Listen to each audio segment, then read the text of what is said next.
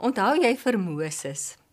God wat Moses op 'n wonderbaarlike manier roep daar uit die brandende braambos en vir hom sê hy moet Israel wat al meer as 300 jaar as slawe vir die Egiptenare werk uit Egipte gaan lei. En Moses het baie verskonings gehad. In die eerste plek sê hy maar hy hakkel en dan sê hy maar Farao sal nooit na hom luister nie.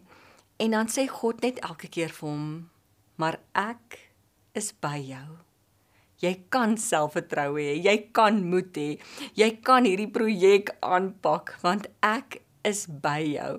Ja Moses het gesê no way en God het gesê ja way. Yahweh. Nou, hy sê no way. Maar God sê Yahweh, Yahweh. Ek is by jou. En dit is vir my die kern van selfvertroue om te weet jy kan vertroue hê want God is by jou. Hy rus jou toe.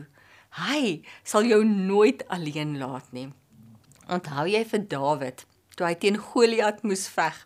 Toe moes hy Saul se oorlogsuitrusting aantrek, hierdie swaar metaal tipe oorlogsdrag. En ons lees in die Bybel dat dit so swaar was en so ongemaklik was dat Dawid gesê het, "Maar hy gaan nie dit aantrek nie." En toe sê hy, "Want God is by my." God is by my en daarom kan ek na Goliat toe gaan met selfvertroue.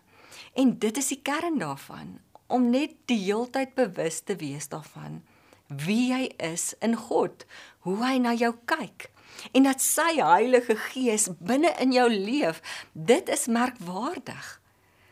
In Efesiërs staan daar dat sy Heilige Gees het Jesus uit die dood uit opgewek. En dit is sy Gees wat in jou woon en wat in jou werk. En daarom kan jy selfvertroue hê want hy is by jou. Eintlik God se vertroue hê nê maar nou kry ek baie keer mense wat vir my sê maar Liesel dit voel nie vir my of die Here by my is nie. Jy sê nou vir my en ek lees in die Bybel dat God by my is, maar dit voel nie vir my so nie. Maar weet jy dat geloof gaan nie oor 'n gevoel nie. Geloof is 'n diep wete dat jy weet dat jy weet God is by jou en hy sal jou nie alleen los nie. Jy kan nie jou gevoel gebruik as 'n liniaal om te meet hoe ver God van jou af is nie want God is nou by jou en daarom kan jy God se vertroue hê, selfvertroue hê. Hy los jou nie alleen nie. Ek dink baie keer dan dan kyk ons hom net heeltemal mis en hardloop ons oor sy genade. En ek bid baie oggende, Here, maak my geestes oop dat ek U kan sien werk in my lewe, dat ek U hand in my lewe kan sien. Daar's 'n verhaaltjie wat vertel van hierdie man wat in die woestyn verdwaal het. En dit was vreeslik warm en en toe hy op die eind by sy vriende uitkom, toe sê hy vir hulle: "Hoorie, ek het gedink ek gaan sterf. Ek het gedink dis my laaste dag op aarde. Ek het in daai warm sand op my knieë neergeval, my bors het gebrand. Ek was dors en ek het vir die Here gesê: "Help my asseblief." En sy vriende sê toe vir hom: "En toe het die Here jou toe gehelp?" En hierdie man sê: "Haai nee, maar weet jy gelukkig het daar 'n landmeter verbygekom en hy het my toe gehelp." Kan jy glo dat hierdie man nie eers kan sien dat God iemand gebruik het, 'n mens gebruik het om sy gebed te verhoor? En ek dink op so 'n manier kyk ons ook dikwels sy hand in ons lewe mis. En moet ons vra dat dat hy ons sal help, dat ons hom sal raak sien. My kollega daar by Kameeldrif NG Kerk waar ek deeltyds predikant is, Dr. Rolf Opperman.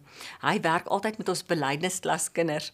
En die ander dag sê hy vir die belydensklas, hulle moet die volgende Sondag fotos op hulle fone saambring van God se oomblikke wat hulle beleef het.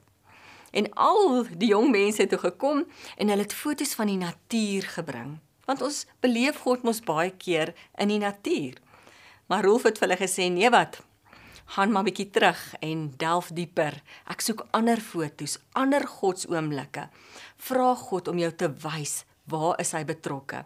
En hy sê die kinders was so kreatief en het met die wonderlikste fotos teruggekom. Met daai WhatsApp wat jy kry op net die regte oomblik.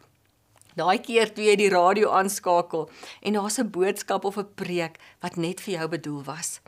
Ek het al een keer so op die snelweg gery en 'n kar kom ry so voor my in en terwyl ek met die Here gepraat het en hier is 'n plakker op hierdie motorkar voor my met 'n teksvers wat onmiddellik met my praat wat ek weet, maar hierdie is nie toevallig nie. Dis God wat nou met my praat. So om op die uitkyk te wees vir hom. Soos roof ons kinders uitgedaag het om om vir God se oomblikke te soek. Want ja, baie keer voel dit vir ons hy is nie by ons nie, maar hy is. Sy woord beloof dit en hy dra jou en jy is nooit alleen nie.